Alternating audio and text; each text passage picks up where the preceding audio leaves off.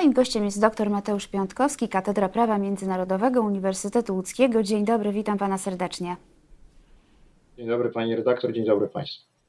Raport o stratach Polski i obywateli w czasie II wojny światowej odbił się e, szerokim echem. Pisały o tym nawet media brytyjskie czy, czy francuskie, między innymi w takim duchu. Dlaczego 83 lata po wybuchu wojny Polacy pytają, dlaczego ich kraj który w tym konflikcie poniósł największe straty, nie otrzymał dotąd e, reparacji.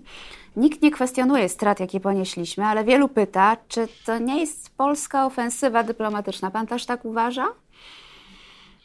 Oczywiście wydaje mi się, że raport e, faktycznie, tak jak pani redaktor wspomniała, wzbudził szeroką dyskusję na temat e, roli Polski w okresie II wojny światowej i także konsekwencji, jakie e, wiązała się niemiecka agresja e, i okupacja, która no, pozostawiła Polskę o skutkach, o których doskonale zdajemy sobie sprawę, jako kraj zdruzgotany, zniszczony, załamaną demografią, z rozwojem zatrzymanym na dziesiątki lat, a przede wszystkim bezpośrednią konsekwencją II wojny światowej było to, że znaleźliśmy się jako państwo po niewłaściwej stronie żelaznej kur kurtyny, kiedy reszta Europy, zwłaszcza Europa Zachodnia, w tym również Niemcy, Niemcy Zachodnie otrzymywały pomoc na przykład w postaci planu Marszala, to pamiętamy, że mm, Polska musiała, Polacy musieli odbudowywać swoje państwo własnymi rękami, bo oczywiście e, tutaj o pomocy ze strony Związku Radzieckiego e, nie można mówić, bo Związek Radziecki, który miał w układach poczynamskich takie wyraźne zobowiązania, by transferować niejako swoje roszczenia reparacyjne, żeby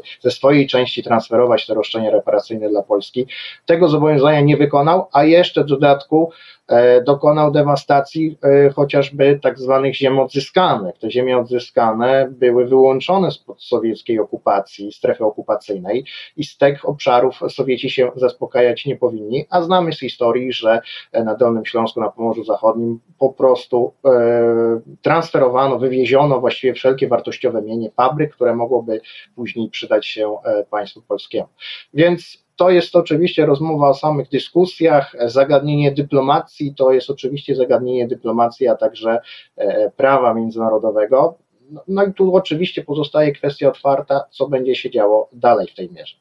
A jak ocenia Pan e, skutki, e, znaczy ważność zrzeczenia się reparacji z 1953 roku? O, to jest, można by powiedzieć, jedno z takich najbardziej kluczowych pytań. E, często przychodzi się do adwokata, radcy prawnego z takim pytaniem, jakie mamy szanse w danej sprawie. I oczywiście w tak dużej, generalnie prawnik nie powinien mówić, że na pewno wygramy, e, czy na pewno przegramy, bo to jest wręcz nieetyczne. Ostatecznie on nie wydaje takiego orzeczenia, ale oczywiście w jakimś zakresie może ocenić szanse takiej sprawy.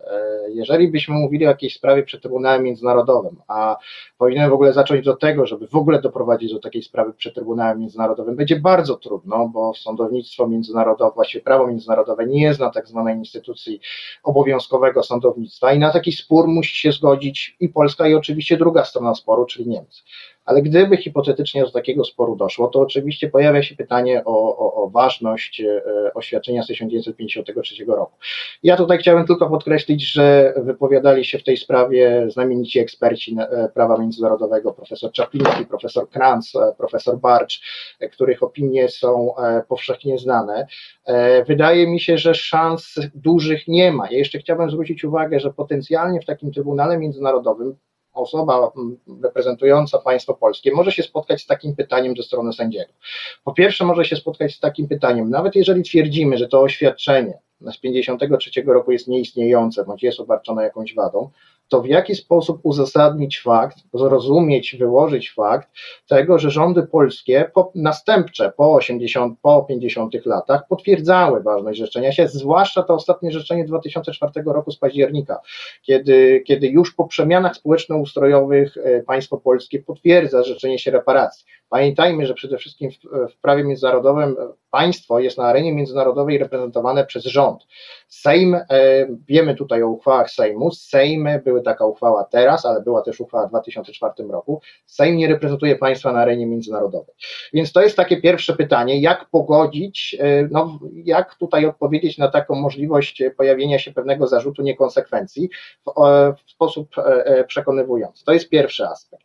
Drugi aspekt pojawia się również z tym, czy właśnie, może nie tyle wiele lat po II wojnie światowej, ale przede wszystkim po 33 lata po przemianach społeczno-ustrojowych y, y, zmienia się o 180 stopni w pewnym zakresie pozycję prawną. I pojawia się pytanie, czy ten upływ czasu nie spowodował, że mm, Polska jako państwo mogła się pozbawić pewnego procesowego prawa e, do powoływania się na pewne okoliczności. Bo, bo zwróćmy uwagę, że w tej dyskusji prawnej, takiej chłodnej, całkowicie chłodnej, musimy, e, musimy pamiętać o tym, że e, nie, nie powinniśmy badać tego, ważności tego oświadczenia w kontekście prawa wewnętrznego, tylko musimy spojrzeć na dokładnie jednostronne akty państwa. Czy takie oświadczenie było ważnym E, jednostronnym aktem e, państwa, bo jednostronne akty państwa tworzą zobowiązania międzynarodowe, są traktowane jako źródła prawa międzynarodowego.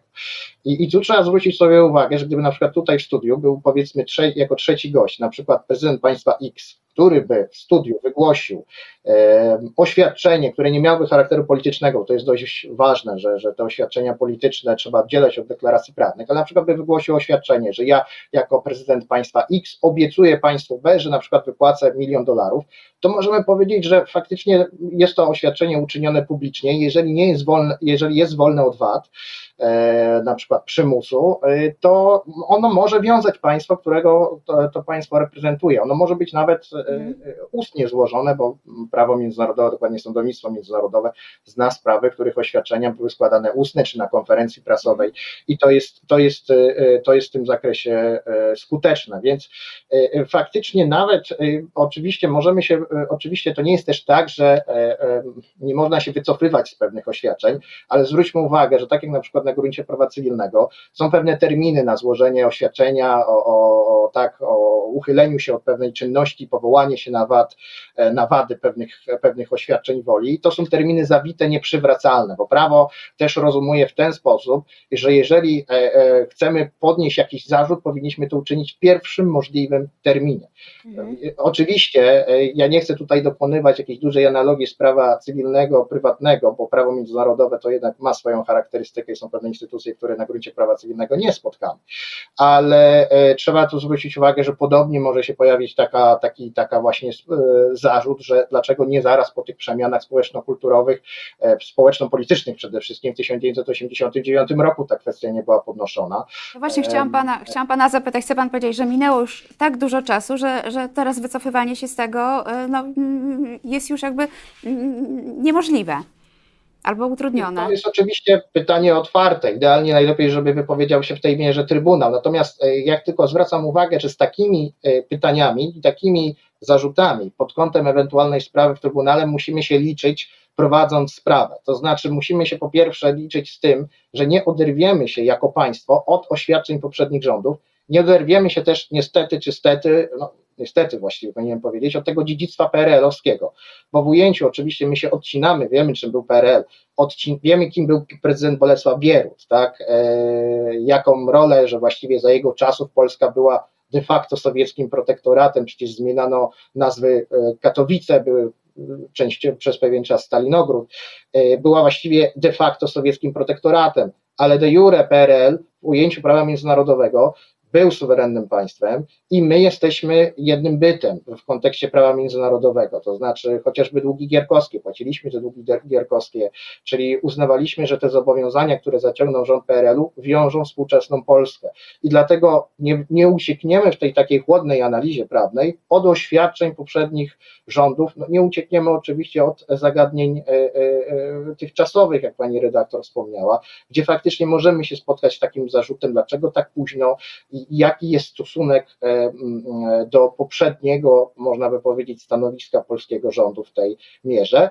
I tak jak wspomniałem, e, faktycznie tu w tej mierze to oceniając właśnie, dokonując jakiejś oceny, te szanse nie są duże. Oczywiście nie można stwierdzić z całą pewnością, ale tak jak wskazuje, są mocne podstawy e, do stwierdzenia, że jednak to oświadczenie z 1953 roku e, było ważne, co jednak ja uważam nie do końca, nie zamyka tematu jako e, samego w sobie to zaraz jeszcze o tym porozmawiamy, bo chciałam zapytać Pana jeszcze o, o to, co napisał e, Mariusz Muszyński, wiceprezes Trybunału Konstytucyjnego w jednym ze swoich tekstów polemizującym z profesorem Czaplińskim, że rzekome wielokrotne potwierdzanie przez władze PRL zrzeczenia się na różnych międzynarodowych forach jest mitem, który Niemcy chcą zamienić w fakty.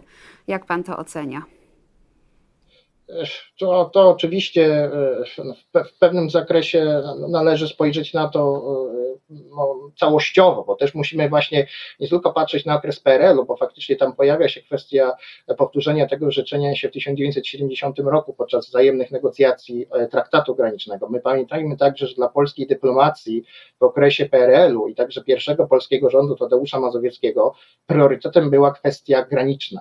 Niemcy próbowali podważyć e, porządek wersalski na różne sposoby, e, znaczy próbowali podważyć go w ten sposób, że twierdzili, że jeżeli Niemcy kiedyś się zjednoczą, to być może kwestie graniczne powstaną na nowo. I w pewnym zakresie trochę zrozumiałe jest to, że kwestia reparacji zeszła na plan dalszy. Ale wracając właśnie tutaj do tego zagadnienia, tu trzeba spojrzeć jeszcze na skutki tego oświadczenia z 2004 roku, bo to oświadczenie z 2004 roku ono może w istocie zamykać, bo ono jest złożone już przez trzecią Rzeczpospolitą, w okresie zupełnie zmienionej e, rzeczywistości. I ono może wytrącać e, na korzyść polskiej sprawy taki jeden z argumentów, który mógłby się pojawić, czyli nadzwyczajnej zmiany okoliczności 80 1999 rok. Wiemy, że nadzwyczajna zmiana okoliczności jest podstawą wygaśnięcia Mówiliśmy o tym w COVID-zie. Nawet e, niektóre umowy międzynarodowe mogą w ten sposób wygasać. E, e, w tym, w tym właśnie powołując się na, na tak zwaną nadzwyczajną zmianę okoliczności, ale znowu pojawia się pytanie o termin w którym powinniśmy tą, tą, taki zarzut podnosić. I podejrzewam, że jednak, że taki termin to była pierwsza przynajmniej połowa lat 90.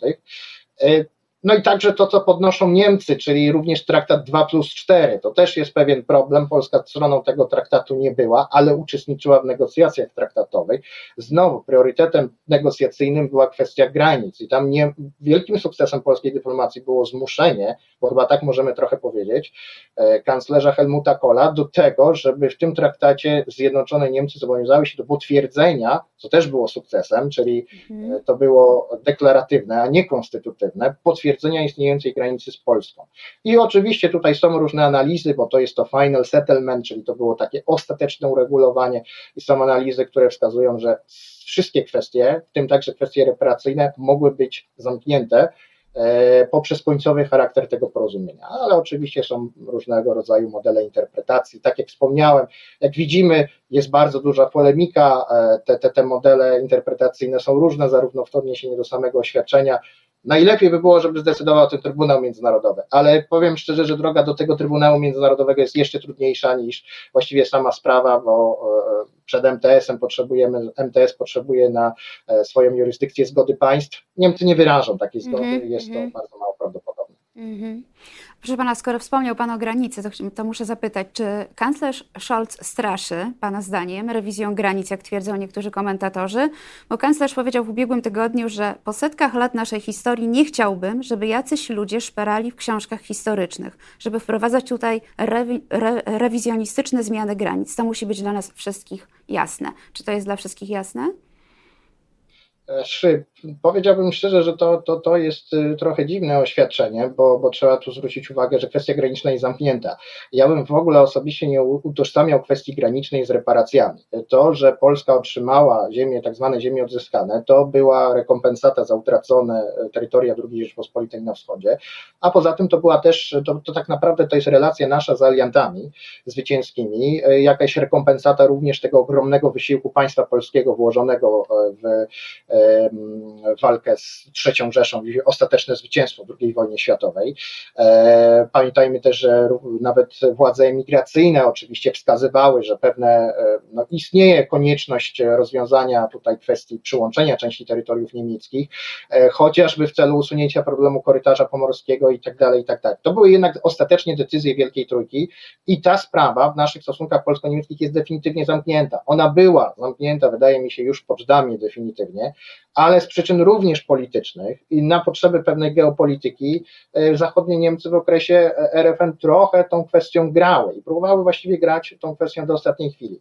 Mamy układ polsko-graniczny z 1990 roku, dla mnie sprawa graniczna jest zamknięta, natomiast wydaje mi się, o, o czym chciałbym wspomnieć, że, że o ile, bo nie każde roszczenie, które jest słuszne i może mieć podstawę prawną, jest egzekwowane.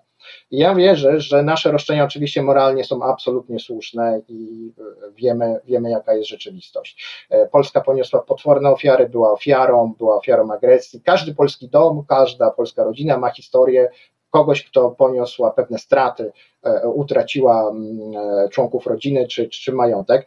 I oczywiście tu w reparacjach też musimy zwracać uwagę na tą kwestię, czy, czy mówimy o reparacjach międzypaństwowych, czyli korzyściach, na przykład utracone e, dobra, utracona infrastruktura, czyli straty samego państwa polskiego, a także kwestia indywidualnych rekompensat. Te kwestie czasami się mieszają, to też e, e, zależy również od kontekstu historycznego, ale to też również ci wybitni specjaliści, o którym wspomniałem, badali. Natomiast ja również uważam, że nasze roszczenia reparacyjne miałyby podstawę prawną, na przykład artykuł 3 Konwencji Haskiej, 4 Konwencji Haskiej z 1907 roku, który stanowi wprost, strona, która narusza prawo międzynarodowe, dokładnie prawa i zwyczaje obowiązujące w wojnie lądowej jest zobowiązana do e, odpowiedzialności odszkodowawczej. I chciałbym zwrócić uwagę, że masę działań niemieckich naruszało wcześniej obowiązujące prawo międzynarodowe. Przy czym pamiętajmy, że nie wszystkie, bo e, inny był obraz międzynarodowego prawa humanitarnego w okresie II wojny światowej, inny obraz jest współczesny. Można by mieć wątpliwości, czy wszystkie bombardowania miast polskich we wrześniu 1939 roku, bombardowania z powietrza były sprzeczne z prawem międzynarodowym. Dzisiaj byłyby zakwalifikowane pewno tak, ale pamiętajmy, że obraz prawa międzynarodowego w okresie II wojny światowy był inny. Ale na przykład nie ma wątpliwości, że zniszczenie Warszawy po powstaniu warszawskim było naruszeniem międzynarodowego prawa humanitarnego, a w wyniku właśnie tej mhm. zmyślnej destrukcji, nieuzasadnionej korzyści, potrzebami wojskowymi, nasza stolica została doszczętnie zniszczona i była przez prawie 40 lat wysiłkami polskiego społeczeństwa w tej perelowskiej rzeczywistości e, odbudowywana. E, ale jak wspomniałem, e, konkludując w pewnym zakresie właśnie tutaj swoją myśl, że nie wszystko, co jest słuszne, jest egzekwowalne, ale to nie oznacza, że o tej kwestii nie należy rozmawiać, bo musimy pamiętać, że droga sądowa jest tylko jednym ze sposobów roz, e, pokojowego rozstrzygania sporów międzynarodowych. Bo oczywiście spór musi być rozstrzygnięty pokojowo i co do tego nie ma wątpliwości, ale droga sądowa to jest jedna z wielu alternatyw. Jest dyplomacja, są negocjacje i ja też uważam, że na reparacje, dlatego ta wypowiedź wypowiedź kanclerza Scholza trochę mnie dziwi, bo o reparacjach musimy mówić wielowektorowo. To nie jest tylko wyłącznie przelew z jednego konta rządu na konto drugie o tej, mhm. o tej wielkiej wysokości, który być może jest mało prawdopodobny, jeżeli mówimy w kontekście finansowym, przynajmniej jednorazowo ale bardziej wydaje mi się, że reparacje to przede wszystkim upamiętnienie ofiar, które, e, upamiętnienie ofiar niemieckich zbrodni w Polsce i e, to myślę, nad tym to jest praca w Niemczech do wykonania, bo nie wiem, czy każdy w Niemczech ma świadomość tego, co wydarzyło się na Woli e, w dniach, pierwszych dniach Powstania Warszawskiego, jakie były właśnie okoliczności niemieckiej okupacji, zbrodni wojennych popełnianych przez Wehrmacht w 1939 roku. Myślę, że wiedzy o tej dużej nie ma, więc to jest na pewno przestrzeń, gdzie powinno w podręcznikach historii pojawić się adekwatna, dostateczna ilość informacji. E, a poza tym możemy myśleć o tym, czy przypadkiem, jeżeli już mówimy o tym e, kontekście materialnym, czy na przykład w obliczu takiej sytuacji międzynarodowej, jakiej znajduje się Polska, gdzie jednak jesteśmy zagrożeni e, możliwością, aspiracje prezydenta Putina są jasne, odbudowa Związku Radzieckiego, odbudowa Układu Warszawskiego, zdemilitaryzowanie właściwie Europy Środkowo-Wschodniej, czy w takiej sytuacji na przykład niemiecki przemysł zbrojeniowy nie mógłby pomóc nawet poprzez jakieś dotacje, poprzez jakieś darowizny e, Polsce dozbrajać się, dozbrajamy się, potrzebujemy broni, e, kupujemy tej broni bardzo dużo. Byłoby to bardzo symboliczne, że państwo, które kiedyś napadło e, na drugie państwo, pomaga tej ofierze agresji, żeby nie doszło znowu do następnego kroku i wydaje mi się, że byłoby to też i symboliczne, i też myślę, że z uwagi na wielką wartość e, transferu tych technologii wojskowych, czy jakiegoś konkretnego sprzętu wojskowego, nie wiem, łodzi podwodnych, e, może czołgów e, najnowszego typu, to oczywiście jest kwestia bardziej szczegółowa systemów obrony przeciwlotniczej. Myślę, że byłoby to też również w takim kontekście materialnym jakieś zrekompensowanie tych reparacji. Oczywiście gdzieś tam pozostają jeszcze te kwestie reparacji, właściwie kompensacji indywidualnej. Tu mhm. musimy pamiętać, że część osób w okresie mm, po 90 roku, też w okresie PRL-u otrzymały pewne kategorie, nie wszyscy oczywiście, ale pewne kategorie osób, między innymi mój świętej pamięci dziadek jako robotnik przymusowy otrzymał pewną rekompensatę z Fundacji Polsko-Niemieckie Pojednanie. Więc również e, trzeba byłoby uszczegółowić naszą pozycję prawną, co robimy z reparacjami w rozumieniu międzypaństwowym, a co robimy tutaj z tą kwestią osób e, indywidualnych. No, wspomniał Pan e, o tym, że e, nie wszyscy Niemcy wiedzą, co się działo w czasie powstania tutaj w Warszawie. Ja myślę, że Niemcy jeszcze mają e, dużo do nadrobienia, a świadczy o tym choćby to, że używane są tam nadal sformułowania o polskich obozach koncentracyjnych, to znaczy, że chyba raczej nie bardzo wiedzą, co się działo w Polsce w czasie II wojny światowej. Oczywiście to jest e, też chyba nie tylko taki, to jest chyba taki ogólny zarzut, że w takiej debacie międzynarodowej na temat Polsko, na temat Polski, e, roli Polski w okresie II wojny światowej, e, no niestety do tego typu przeinaczeń dochodzi w tym wypadku, więc, a to jest ważne, żeby pamiętać, pamiętać, zwłaszcza ja z perspektywy prawnika, który zajmuje się międzynarodowym prawem humanitarnym, pamiętać o naruszeniach prawa obowiązującego w wojnie, bo jak niestety widzimy, ciągle żyjemy, to mówię z ogromną przykrością, w, w, na świecie, w którym mamy masowe groby. Mimo, że jesteśmy w XXI wieku, mimo, że mamy szereg dokumentów, umów międzynarodowych, a niestety doskonale wiemy, e, co dzieje się, co dzieje się za naszą wschodnią granicą. Więc ta pamięć e, jest kluczowa, bo bez pamięci nie będzie prawdziwego pojednania. E, I wydaje mi się, że raport, y, i to mówię, abstrahuję od takiej chłodnej analizy prawnej, bo ta analiza prawna może wypadać, może być jednoznaczna, może e, być ta droga sądowa właściwie zamknięta albo bardzo utrudniona. E, spotkamy się z argumentami w takiej przed Trybunałem Międzynarodowym, które będzie trudno nam. Nie mówię, że to jest oczywiście niemożliwe, mhm. bo nie jestem tutaj alfą i omegą w tej mierze, ale będzie należy się spodziewać taką argumentacją i będzie trudno ją w jakiś rozsądny sposób podeprzeć. No i to wymaga na pewno wielu, wielu lat. Y, y, obawiam się, że możemy nie dożyć końca takiego procesu. Oczywiście, ale tak jak wspomniałem, rozmawiać y, można i nigdy to nie oznacza, że, że żaden sposób stwierdzenie, że droga sądowa może być utrudniona, bo na przykład jest problem z jurysdykcją tego czy, czy innego trybunału, e, nie oznacza, że nie można o pewnych zagadnieniach rozmawiać, a może nawet szukać sojuszników w tej mierze, bo zwróćmy uwagę, że nie jesteśmy jedynym państwem, w którym II wojna światowa nie jest takim zagadnieniem rozliczonym. To jest problem Grecji, e, to jest problem chociażby państw Dalekiego Wschodu. Te, te reparacje oczywiście mają dość silny kontekst kontekst, ale tak jak wspomniałem, e, warto rozmawiać, chociażby w celu pobudzenia sumień, nawet jeżeli kwestie prawne są e, być może zamknięte albo bardzo trudne do odwrócenia. No, w grę wchodzi jeszcze Namibia choćby, gdzie były pierwsze obozy koncentracyjne. Tak jest. W 2021 roku wypłacono pomoc rozwojową i tutaj warto zwrócić uwagę, że niemiecki MSZ wprost wskazał, to nie są reparacje. E, też, chociaż, chociaż wskazano, że gdyby, e, pamiętajmy konwencja o karaniu zapobieganiu zbrodni ludobójstwa, ona jest przyjęta po II wojnie światowej, że gdyby prze, e, obecny stan prawny przesunąć do ówczesnego stanu faktycznego, to byłoby ludobójstwo. Więc, ale niemieckie stanowisko jest konsekwentne i oczywiście strona niemiecka ma tu pewne swoje kanony polityki zagranicznej, stąd też nie spodziewam się, że zgodzi się na jurysdykcję przed Międzynarodowym Trybunałem Sprawiedliwości w Hadze, bo wydaje mi się, że byłby to najwłaściwszy trybunał do ostatecznego rozstrzygnięcia tych kwestii, o której mówimy. Czy jakieś inne trybunały międzynarodowe, nie wiem, czy Europejski Trybunał Praw Człowieka, pamiętajmy, że tu się pojawia jurysdykcja ratione tempore, ratione materie, czy, czy w stosunku do e, dokumentu, który wszedł w życie już po II wojnie światowej, jednak dotyczy trochę innej materii, materii trudno by moim zdaniem byłoby, chociaż też mogę się mylić, e, wyłożyć z Europejskiej Konwencji Praw Człowieka, czy też e, z Paktu e, Praw Politycznych i Obywatelskich międzypaństwowego prawa do reparacji za zdarzenia wynikające z II wojny światowej. Byłoby, wydaje mi się, dość trudne, chociaż konwencja posługuje się, Trybunał w Strasburgu posługuje się tą koncepcją naruszeń ciągłych, ale wydaje mi się, że w ujęciu międzypaństwowym w stosunku do jednak do zdarzeń, które miały miejsce przed w ogóle e, e, e, stworzeniem konwencji jako takiej, raczej, raczej to też nie jest dokument, który do końca został sformułowany. Europejska Konwencja Praw Człowieka to jest jednak bardziej jednostki w relacjach z państwem, chociaż oczywiście skargi międzypaństwowe są otwarte. Podobna kwestia Komitetu Praw Człowieka, więc wydaje mi się, że najwłaściwszy byłby Międzynarodowy Trybunał Sprawiedliwości, tym bardziej, że na przykład Włochy niedawno miały sprawę właśnie przeciwko mm, Włochy kontra Niemcy dotyczące immunitetu jurysdykcyjnego jurysdykcyjnego państwa, właśnie związanego z roszczeniami wynikającymi z II wojny światowej.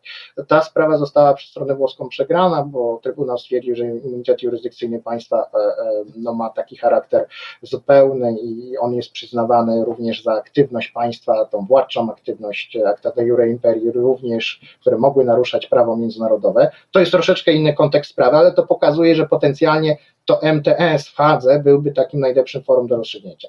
Ale problemem jest to, że tutaj sprawę należy doprowadzić. Nie da się zaciągnąć żadnego państwa do e, stołu sędziowskiego w Hadze bez jego zgody. Ta zgoda może być wyrażona oczywiście w różny sposób. Niemcy z Włochami wtedy zawarły porozumienie o skierowaniu sporu pod jurysdykcję Trybunału, szuka e, w innych wypadkach, jak na przykład w sytuacji ukraińsko-rosyjskiej, mamy artykuł 9 Konwencji o karaniu zapobieganiu zbrodni ludobójstwa, który jest e, tą klauzulą sądową, która przewiduje, że wszelkie spory związane z wykonaniem konwencji oddane są pod, pod jurysdykcję MTS-u, ale no, w układach poczdamskich klauzuli sądowej nie było. W układzie 2 plus 4 też takiej klauzuli mhm. sądowej nie było. Więc jesteśmy tutaj skazani na wolę polityczną, która ze strony niemieckiej, która jest, no, będzie warunkowana uwarunkowała tą sytuację prawną. E, dlatego też uważam, że, że trudno będzie znaleźć trybunał, który by tą sprawę zbadał, e, ale to jest, tak jak wspomniałem, droga sądowa jest tylko jednym z wielu narzędzi rozstrzygania sporów w prawie międzynarodowym. Ja myślę, że od tematu reparacji w najbliższym czasie nie uciekniemy. Dziś serdecznie dziękuję za rozmowę. Moim gościem był dr Mateusz Piątkowski, Katedra Prawa Międzynarodowego, Uniwersytet Łódzki. Dziękuję bardzo. Dziękuję za zaproszenie.